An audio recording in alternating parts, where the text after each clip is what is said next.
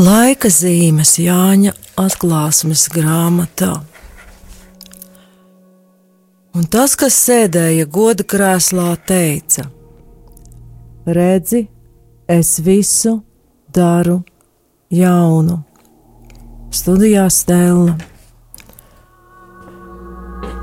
Šajā raidījumā skatīsim septiņu zīmju redzējuma cikla sesto zīmi Un kā redzam, nu jau pat katrai zīmei ir pa vienam raidījumam, jo teksts kļūst tik bagāts un blīvs, ka vairs nevaram vairākas zīmes vienā raidījumā apskatīt.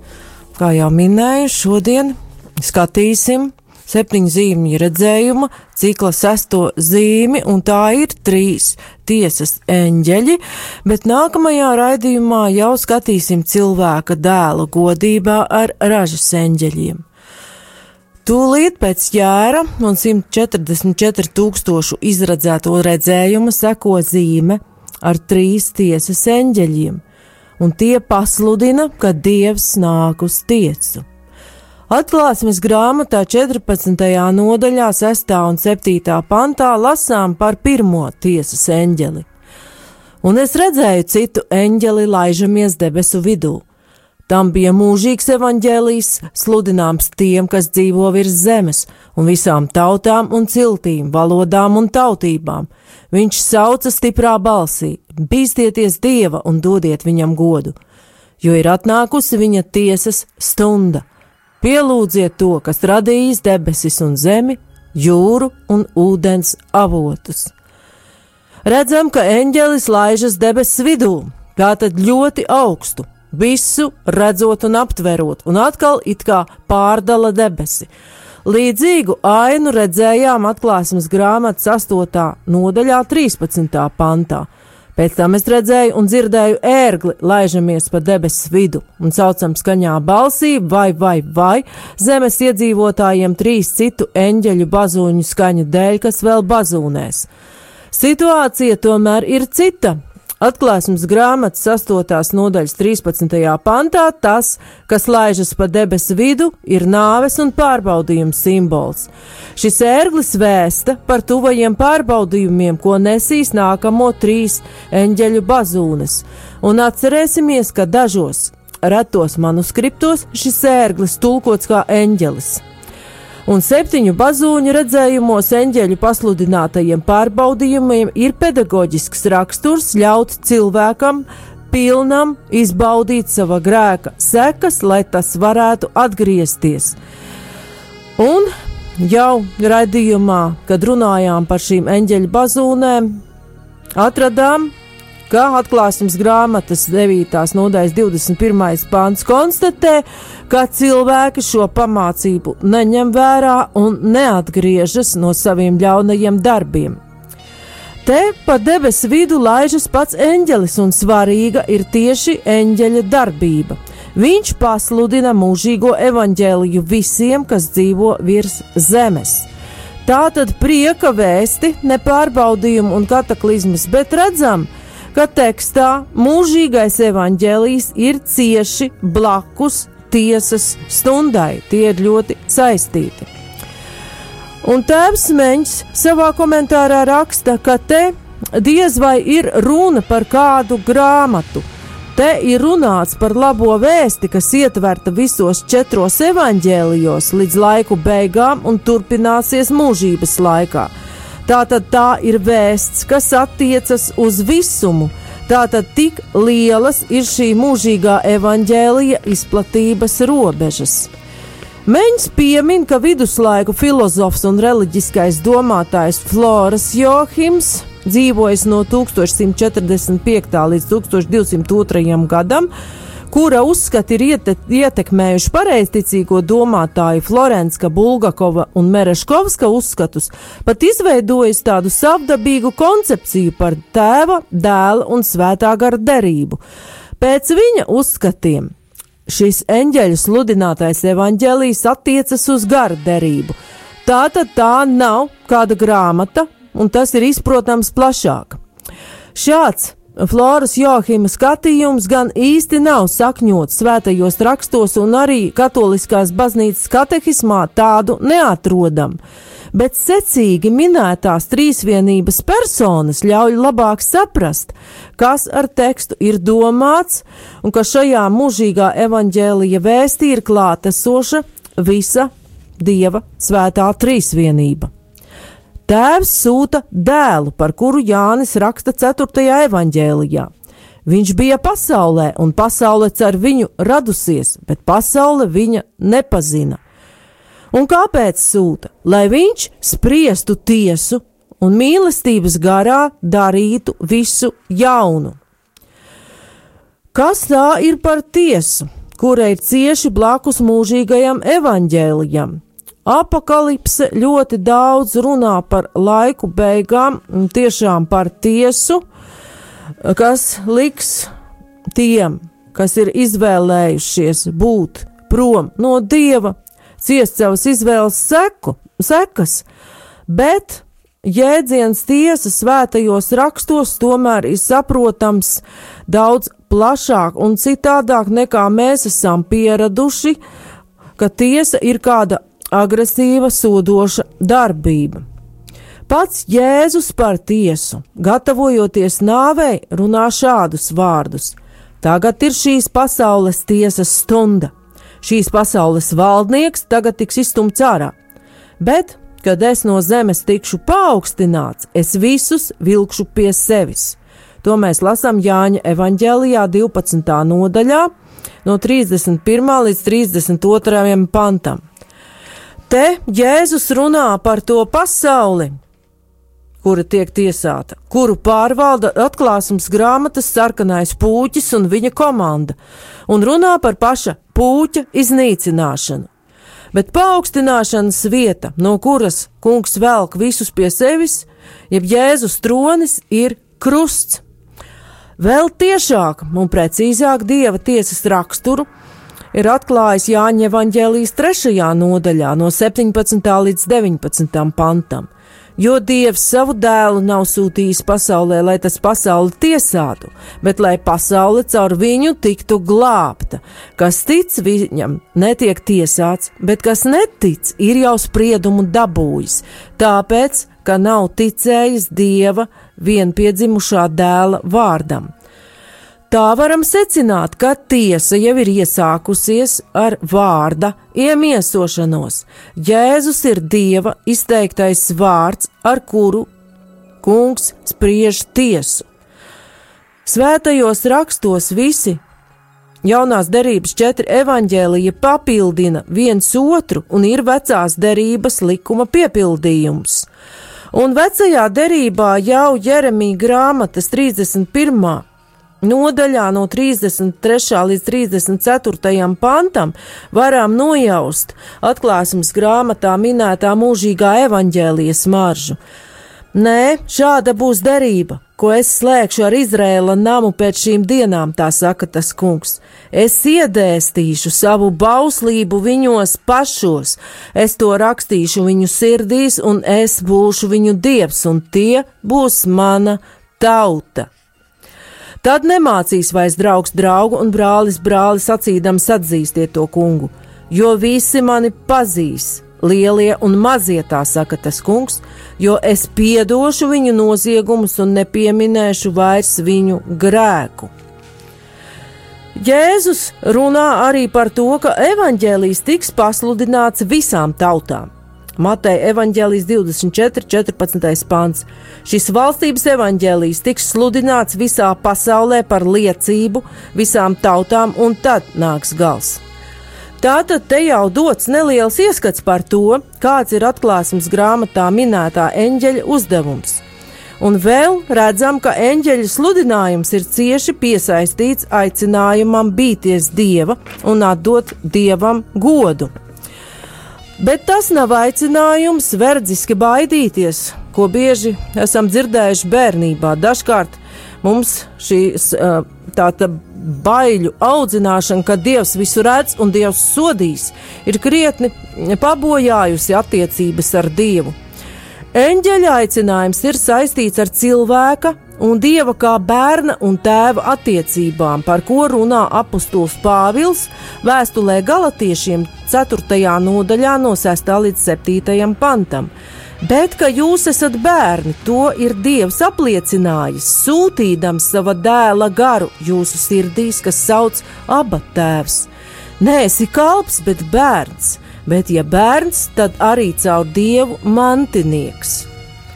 Savukārt bērna bijība izaug no mīlestības, viņš dod godu tēvam un respektē viņa gribu mīlestības vadīts. Un rodas jautājums, kā mums, kā dieva bērniem, izpildīt šo eņģeļa aicinājumu. Vecajā derībā tas nozīmēja striktu baušļu pildīšanu, kas nebūtu nebija viegli, un kas izrietēja arī no bailēm. Bet jaunajā derībā Jēzus pats ir bauslību piepildījis un ietvēris to jaunajā bauslī. Un tātad šī dieva bijāšana, uz ko aicina eņģelis, jau ir saistīta ar jauno bausli, kuru Jēzus dod Jāņa evaņģēlī 13. nodaļā, 34. līdz 35. pantam. Jaunu bausli es jums dodu, ka jūs citu citu mīlat, kā es jūs esmu mīlējis, lai arī jūs tāpat cits citu mīlētu, no tam visi pazīst, ka jūs esat mani mācekļi, ja jums būs mīlestība savā starpā. Un jaunajā derībā, kā raksta apustulis Pāvils, Pat vislielākie darbi un visdziļākās atziņas ir niecība, ja tajos nav mīlestības. 1. korintiešiem 13.2.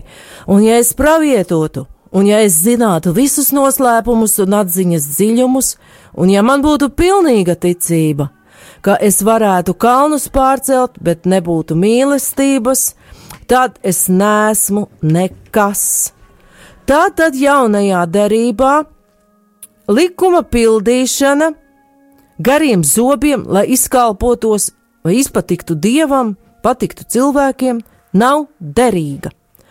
Un pāvests Benedikts 16. savā grāmatā Jēzus no Nāceretes otrajā daļā iedrošina ļauties šim galvenajam teologālajam tikumam, komentējot tieši Jāņa evaņģēlija 13. nodaļu. Un viņš raksta, ka mīlestība pati ir iziešana no noslēgtas individualitātes robežas, Un šī iziešana arī ir tā agapē izlaušanās dievišķajā, ko pirmais ir īstenojis pats Jēzus, mīlēdams savējos līdz galam. Tātad pirmā eņģeļa aicinājumu varam izprast kā tādu, kuram esam aicināti pievienoties, izlaužoties dievišķajā, pildot mīlestības bausli un kļūt par redzamo dieva klātbūtnes zīmi pasaulē Atcerēsimies tos, par kuriem runājām atklāsmes grāmatas 7. nodaļa, 2. līdz 8. pāns, kuri ir saņēmuši dieva zīmogu.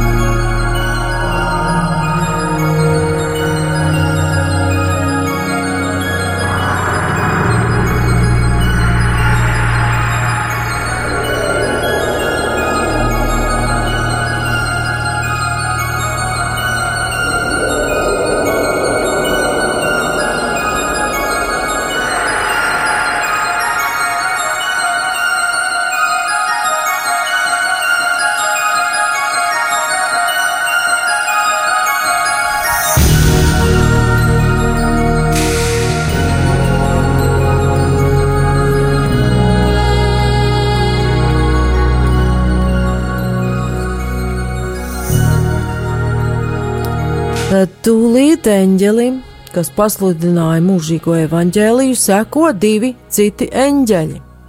Un izrādās, ka mūžīgā evaņģēlija pasludinājums ir cieši saistīts ar pūķa valstības bojāēju un sodu pūķa un viņa komandas pielūdzējiem. Tad tur ir arī šis draudīgais tiesas aspekts. Un atklāsmes grāmatas 14. nodaļā no 8. līdz 10. pantam lasām. Vēl cits eņģelis, otrs, sekoja un sauca: Kritusi, kritusi lielā bābele, kas apdzirdījusi visas tautas ar savas netiklības dusmu vīnu.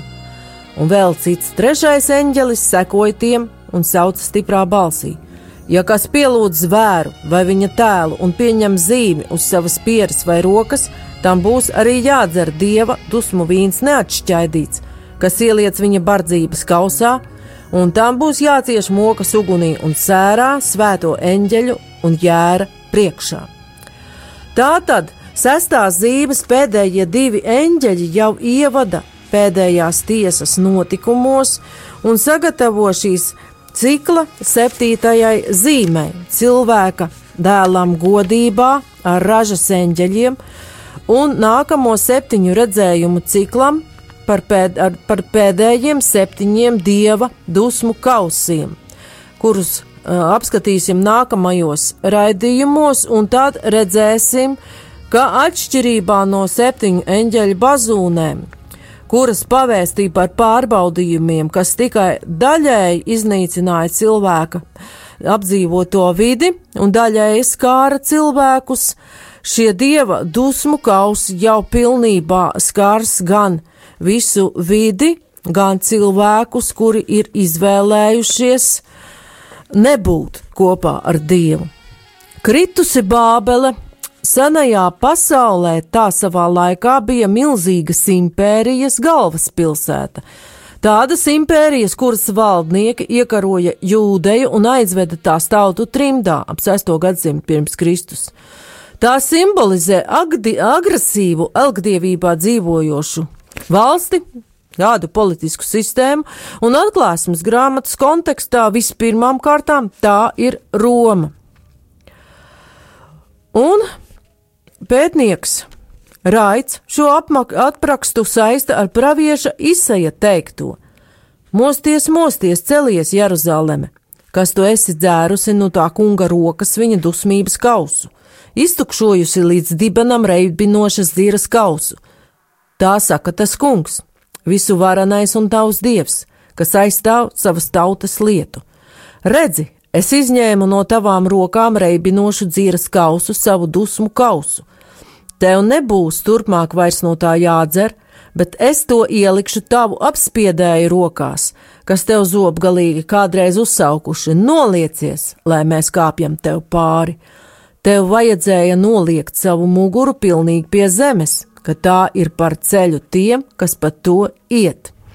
Tā ir izsaja grāmata, 51. nodaļa, no 17. līdz 23. pantam.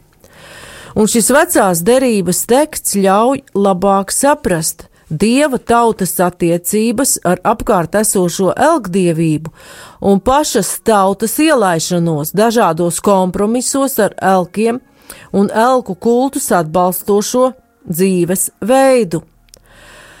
Un tā tad varam secināt, ka bezdievīgie iekarotāji un asiņainie režīmi nerodas tukšā vietā.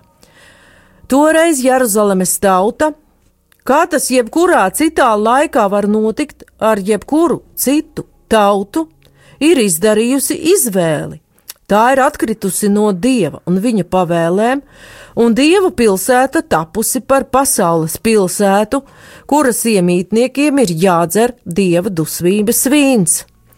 Izsaja teksts ļoti skaidri parāda, ka arī iekarotāji un elku pielūdzējas varas var darboties tikai dieva noteiktajās robežās, un to izgudrojumi agrāk vai vēlāk pavēršas pret tām pašām un kā šīs varas iznīkt, mēs esam redzējuši 20. gadsimtā pavisam nesenā vēsturē. Trešais eņģelis, nekavējoties vēsta par sekām, kādas būs jācieš zvēra vai tā zīmes pielūdzējiem. Kas ir šīs zvēra zīmes, mēs jau atklājām vienā no iepriekšējiem raidījumiem. Zvēra no zemes zīmes ir cilvēka skaitlis 666, un kā jau toreiz minēju, protestantu teologs Veins Millers domā, ka tā apzīmē vēsti, kas izklausās līdzīga evaņģēlija vēstī, bet tai ar vien kaut kā pietrūkst līdzās evaņģēlija pilnībai, ko apzīmē skaitlis septiņi. Tā tad e, šī zvēra zīme saistīta ar tādu anti-evaņģēliju. Šīs zemes evaņģēlija mēs pat varētu teikt, kas ir pretējs mūžīgajam evaņģēlijam un sola īslaicīgus labumus te, tūlīņ un nekavējoties. Zvēra skaitli saprast palīdz arī vecās derības teksti, kurus arī toreiz minēju, otrā laiku grāmata 9.13, kur minēts ķēniņa Salamana gada ienākums un zelta svars kas Salamanam gadus ienāca, bija 666 talenti zelta, kas ļauj saprast šo skaitli arī kā materiālas bagātības, ienākumu gūšanas un finanšu varas simbolu. Tāpat trešais eņģelis runā par tiem, kam šīs nepilnīgās un ierobežotās valstības zīme kuru pārvalda šī apgrieztā trīsvienība, puķis un viņa divi zvēri, par kuriem runājām jau iepriekš, ka šī valstības zīme ir uz pieres vai rokas, pretēji dieva zīmogam, par ko runājām iepriekš. Tad šīs valstības zīme ir atkal pretmets dieva zīmogam. Pasaules valstība un nesvētā trīsvienība tāpat iezīmē savus sekotājus, un šis zīmoks tāpat atstāja dziļu nospiedumu cilvēka dvēselē, un tas izpaužas šo cilvēku dzīves veidā un rīcībā. Eņģelis min neatšķaidītu dieva dusmu vīdu viņa bardzības kausā. Baznīcas tēvi to izprot kā šā zvēra sekotāju prātu, a, prāta aptumsumu no grēka. Neatšķaidītais vīns ir ļoti stiprs, un tajā laikā cilvēki parasti vīnu atšķaidīja ar ūdeni. Tātad Jānis te grib pateikt, ka šis prāta aptumsums no grēka ir līdzīgs tādām pilnīgai saprāta, skaidrās domāšanas zaudēšanai, un to izraisa grēks. Šie zvēra un viņa skaitļa pielūdzēji, tātad šīs pasaules valstības pielūdzēji, apreipst paši no sava grēka un nodzi, nocietinās līdzīgi Ēģiptes faraonam. Tad viņi pierod pie savu grēka, pat nespēja no tā atteikties. Tas viņiem kļūst mīļš. Grēks tiem kļūst par apreibināšanās līdzekli, un viņi paši cieš no šī reibuma sekām, par ko ļoti skaidri un saprotami, un mūsdienīgi raksta apustulis Pāvils vēstulē romiešiem, pirmajā nodaļā no 23. līdz 32. pantam. Fragments diezgan garš, bet tas ļoti labi komentē atklāsmes grāmatas tekstu par to, kā cilvēks nonāk šajā grēka reibumā.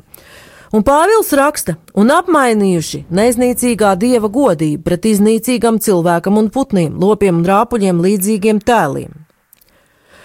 Te, pārtraucot lasījumu, varam piebilst, ka šos tēlus mūsdienās ļoti labi aizvieto dažādas ekonomiskas sistēmas un ērtību kults. Un tālāk atkal Pāvila teksts. Tāpēc Dievs viņus viņu sirdskārībās nodevis izvērtībai, kurā viņi paši sākuši sagandēt savas miesas, tāpēc, ka viņi dievišķo patiesību apmainījuši pret meliem un sākuši dievināt un pielūgt radību, atstājot no vārtā radību, radītāju, kas ir augsti teicams mūžīgi. Āmen. Tāpēc Dievs viņus nodevis apkaunojošās kaislībās, Sievietes apmainījušas dabisko dzimumu kopdzīvi ar pretdabisko, tāpat arī vīrieši atmestami dabisko kopdzīvi ar sievieti, cits pret citu iekaisuši savā iekārē, piekopdami netiklību, vīrietis ar vīrieti, paši saņemdami sodu par savu maldīšanos. Tad nu tāpat, kā viņi nav turējuši cieņā viņiem doto dieva atziņu, dievs sagandējis viņu prātu, ka viņi dara to, kas neklājas. Tie piepildījuši savu dzīvi ar visādiem netikumiem, netaisnību, samaitātību, iekāri, ļaunumu, skaudību, slepkavību, ķildām, krāpšanu, ļaunprātību, mēlnesību, kļuvuši par neslaus cēlājiem, dieva necinātājiem, nekaunjām, augstprāšiem, lielībniekiem, ļauna izdomātājiem, vecākiem, nepaklausīgiem, bezprātīgiem, neusticamiem, cietsirdīgiem, nežēlīgiem. Pazīdami dieva taisnību, ka tie, kas tādas lietas dara, ir pelnījuši nāvi. Viņi tomēr nevien paši tā dara, bet vēl priecājas par tiem, kas tā dzīvo. Tik tālu apustulis Pāvils. Komentējot trešā eņģeļa vēstījumu, bet vai šis nav ļoti skaidrs un precīzs mūsdienu patērētāja sabiedrības apraksts? Bet tai blakus turpat aug baznīca, kas dzird un pati sludina mūžīgo evaņģēliju. Abas pilsētas, dieva un pasaules aug un attīstās ļoti strauji, kas liecina par kāda pļaujas laika tuvošanos, kura iestāšanos, jeb kairus laiku mēs nezinām. Bet nākamajā raidījumā jau pievērsīsimies pašam pļaujas kungam un viņa eņģeļiem, kas nāk godībā ievākt zemes ražu. Studijā bija Stela.